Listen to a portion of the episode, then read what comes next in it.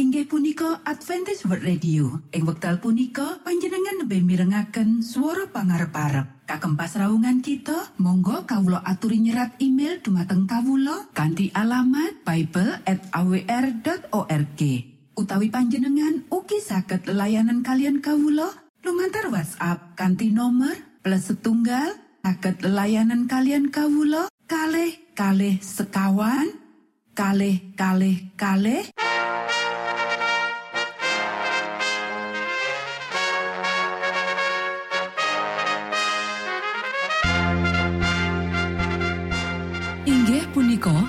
Adventis World Radio ingkang giaran kanti basa Jawi.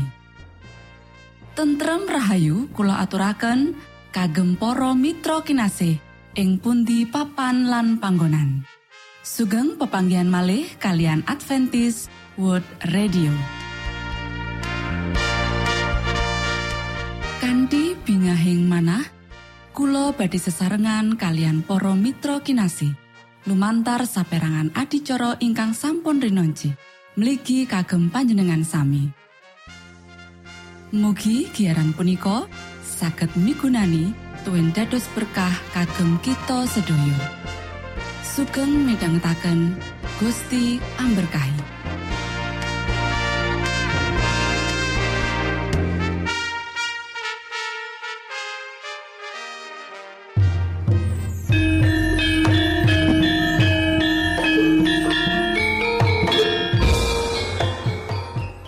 Para pamirsa kinasih ing Gusti Yesus Kristus? Ing wekdal punika kita badhe sesarengan ing adicara ruang kesehatan. Ingkang saestu migunani kagem panjenengan saha kita sami. Tips utawi pitedah ingkang dipun aturaken ing program punika tetales dawuhipun Gusti ingkang dipunnyatakaken ing kitab suci. Semanten ugi sakehing seratan ingkang dipun wangsitaken dening Gusti Allah. Nanging saderengipun monggo kita sami midhangetaken kidung pujian.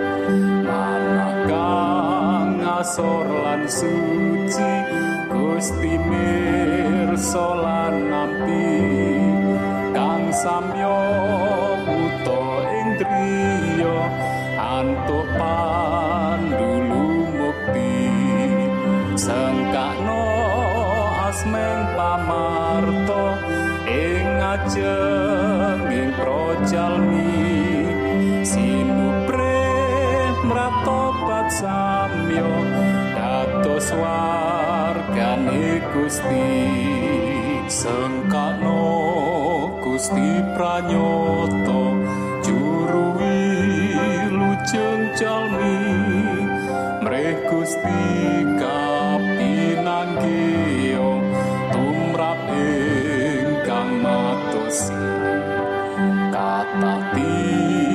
tiang saking sami ngupati mreh basuki.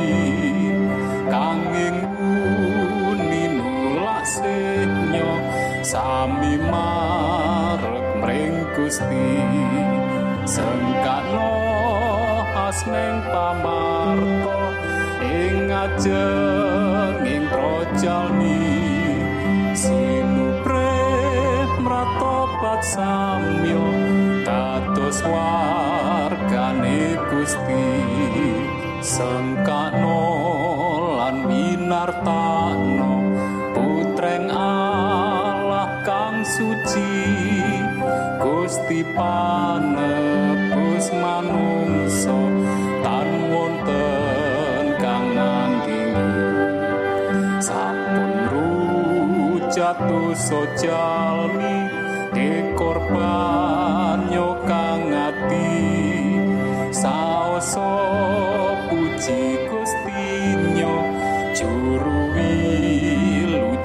wilujeng jati. Sangkano asmeng pamarto ing ngajeng projalmi. Sinupre mratobat samyo dados wargane Gusti. Sangkano lan winartano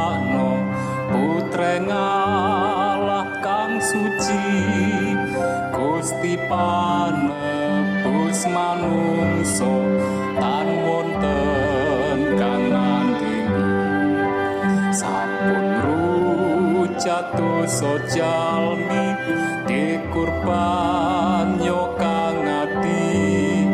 Saoso puji gustinyo juru wilujeng jati.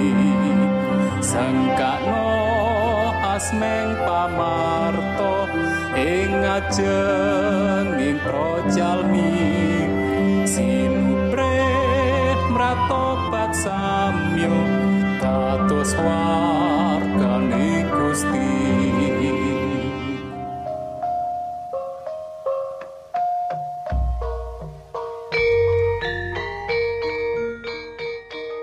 Para Mitra Sutrisno Puji syukur dumateng Gusti ingkang murbeng dumati ingkang sampun kepareng paring wewenngan kagem kita.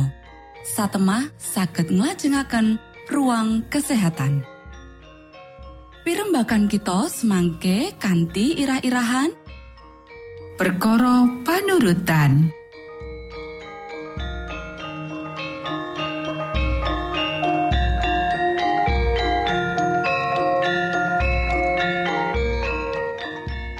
Dumateng para pamiarsa ingkang dahat kinurmatan. Sugeng pepanggihan malih kalian kula Isti Kurnaidi ing adicara ruang kesehatan. Ing dinten punika kanthi irah-irahan perkara panurutan. Para sedherek ingkang kinasih siji sebab yo kene kita ora nikmati luwih akeh berkah Gusti ya iku kita ora ngatekake padang sing diwenehake marang kita kanthi sukareno ya iku ngenani angger-angger fisik lan angger-angger moral angger-anggering Gusti Allah ditulis karo astani dhewe ing saben syaraf saben otot lan saben sel otak kang wis dipercayakake marang manungsa Para sederek sang pangripto wis ngatur organ-organ badan kita dadi sawijining unit mesin sing urip. Kanthi kawicaksanan sing tapi-tapi, organ-organ badan didadekake migunani.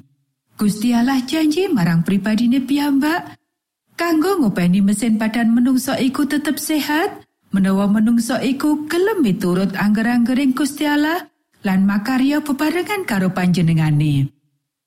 Saben angger-angger sing ngatur mesin badan menungso kudu dianggep bener-bener ilahi sakjroning bab asal usul sifat lan kepentingane kaya sabtaning Gusti Allah. Saben kalirwan tindakan sembrono utawa penyalahgunaan mekanisme Gusti Allah sing ajaib iku ya iku panerak angger-anggering Gusti Allah. Mengkono uga menawa kita kurang ngajeni pepakon mligi kesehatan. kita bisa nyeksekake lan gumuni pakaryaning Gusti ing sakjroning alam. Nanging habitat menungso yaiku sing paling gumunake. Para sedherek ingkang kinasih, yaiku dosa menawa nerak pepakon-pepakon kesehatan padha karo dosa nerak 10 angger-angger.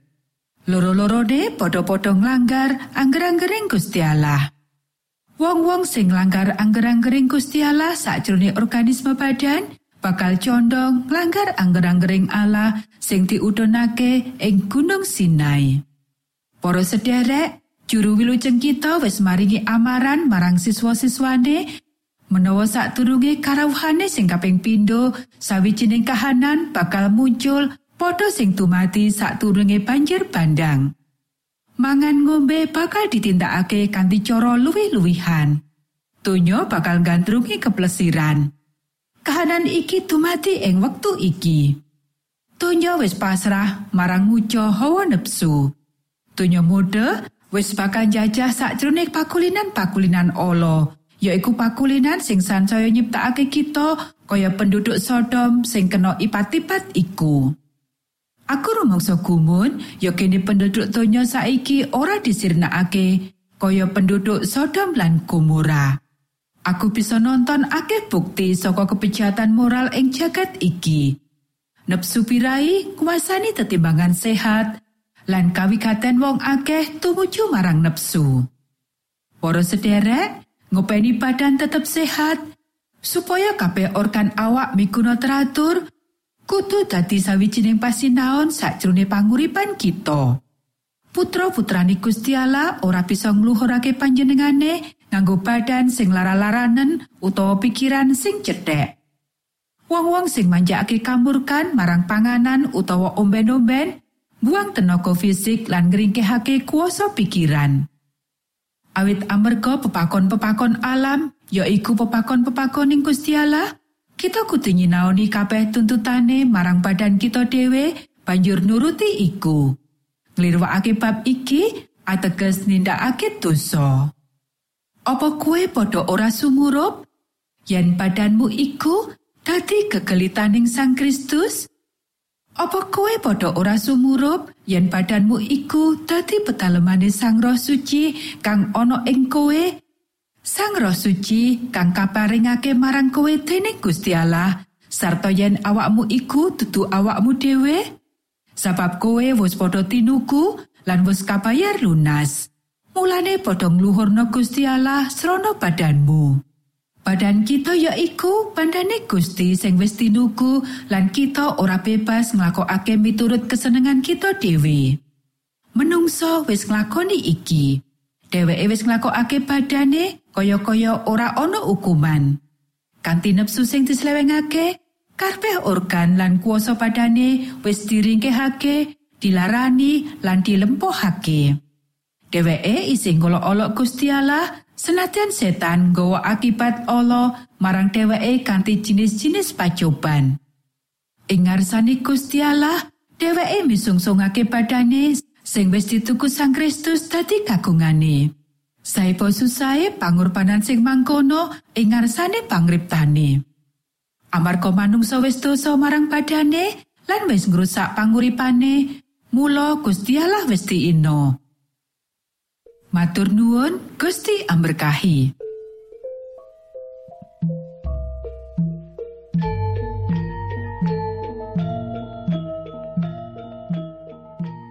Cekap semanten pimbakan ruang kesehatan ing episode dinten punika. Ugi sampun kuatos jalaran kita badhe pinanggih malih ing episode sak lajengipun.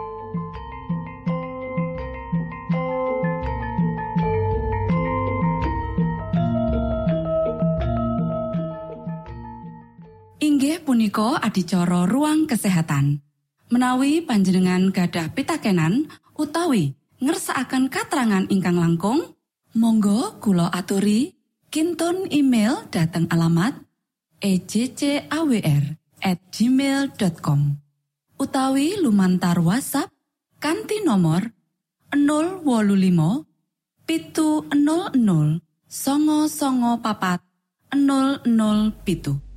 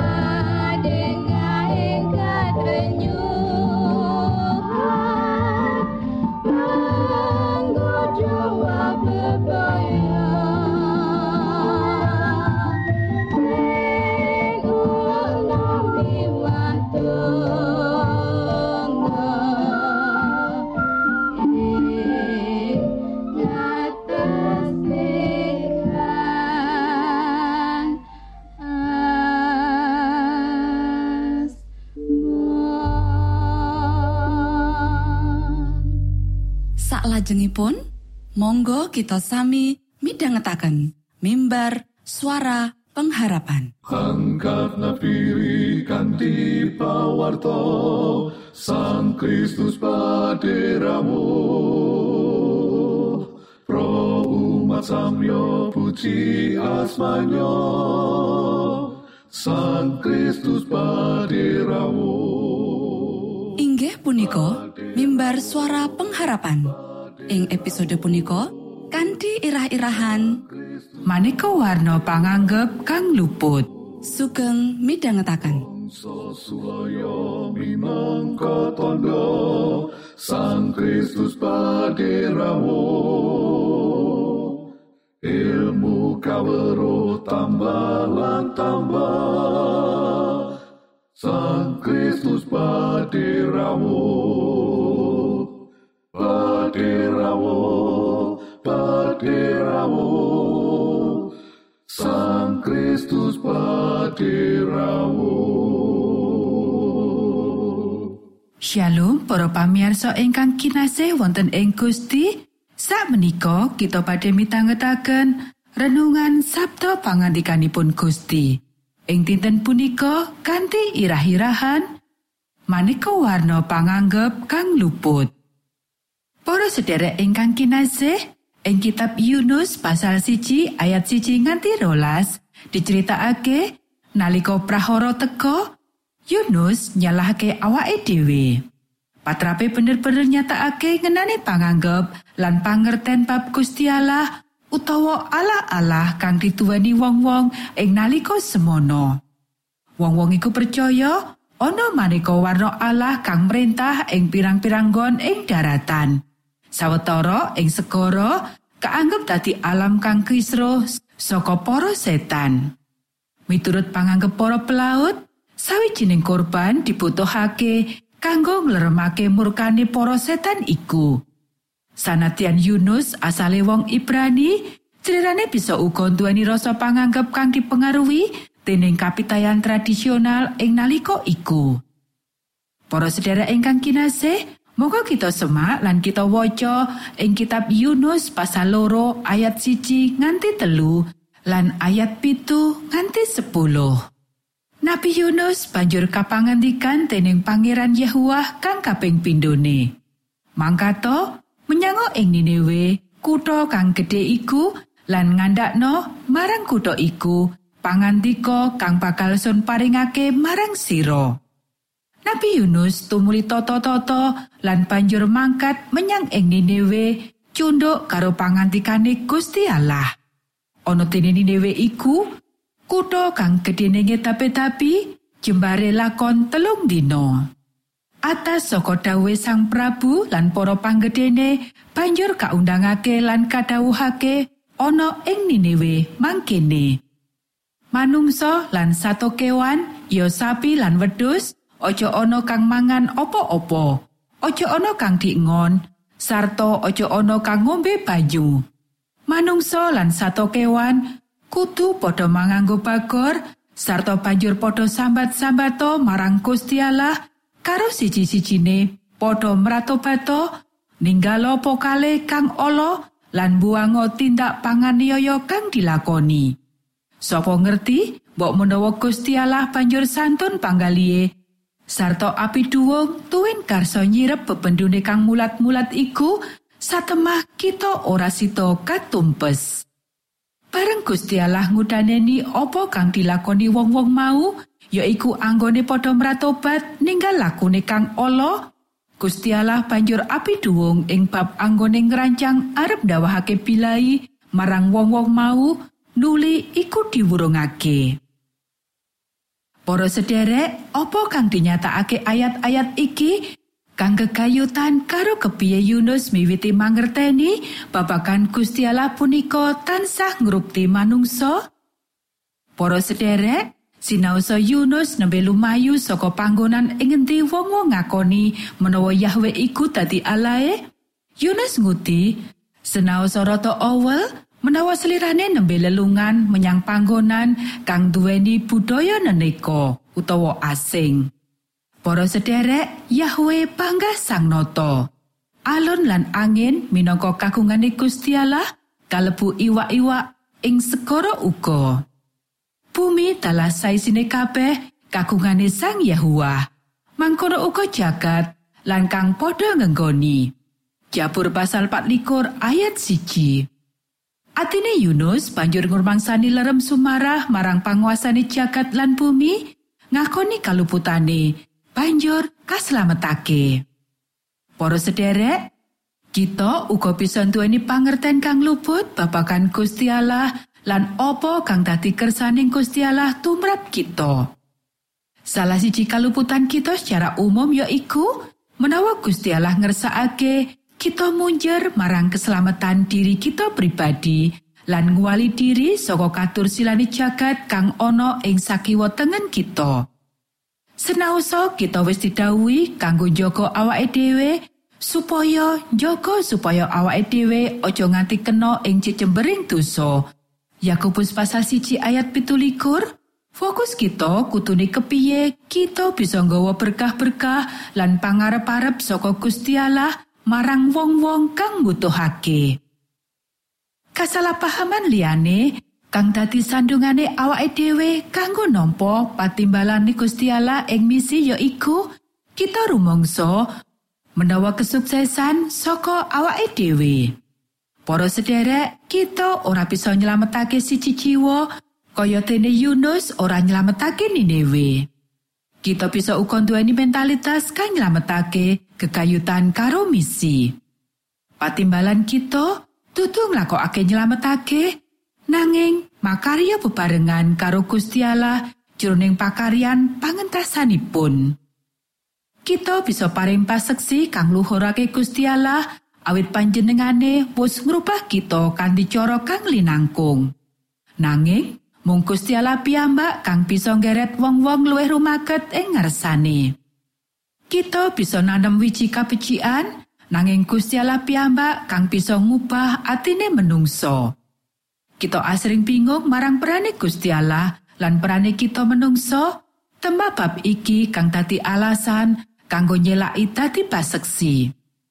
Gusti Allah nggunakake Yunus nanging mung karsane Gusti piyambak dudu Yunus kang gawe wargani dhewe padha meratobat.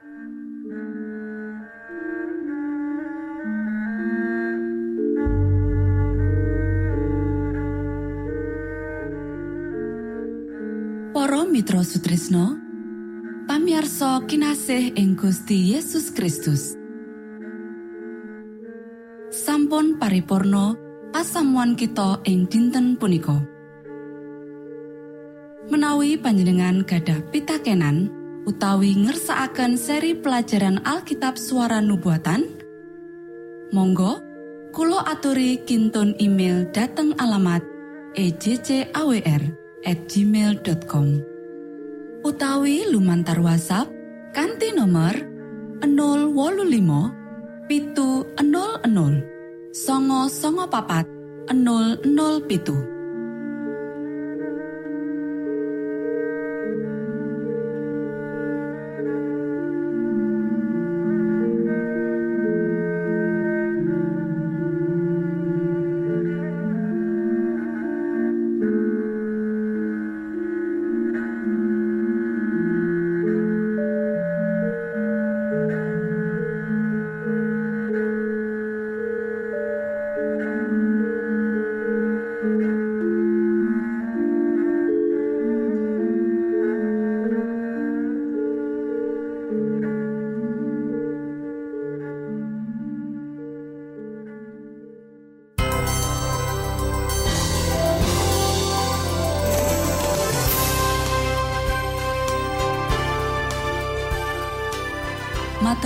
kagem wektalipun kita badhe pinanggih malih ing gelombang ugi wekdal ingkang sami. Saking studio kula ngaturaken tentrem rahayu. Gusti amberkahi kita sedaya. Maranata.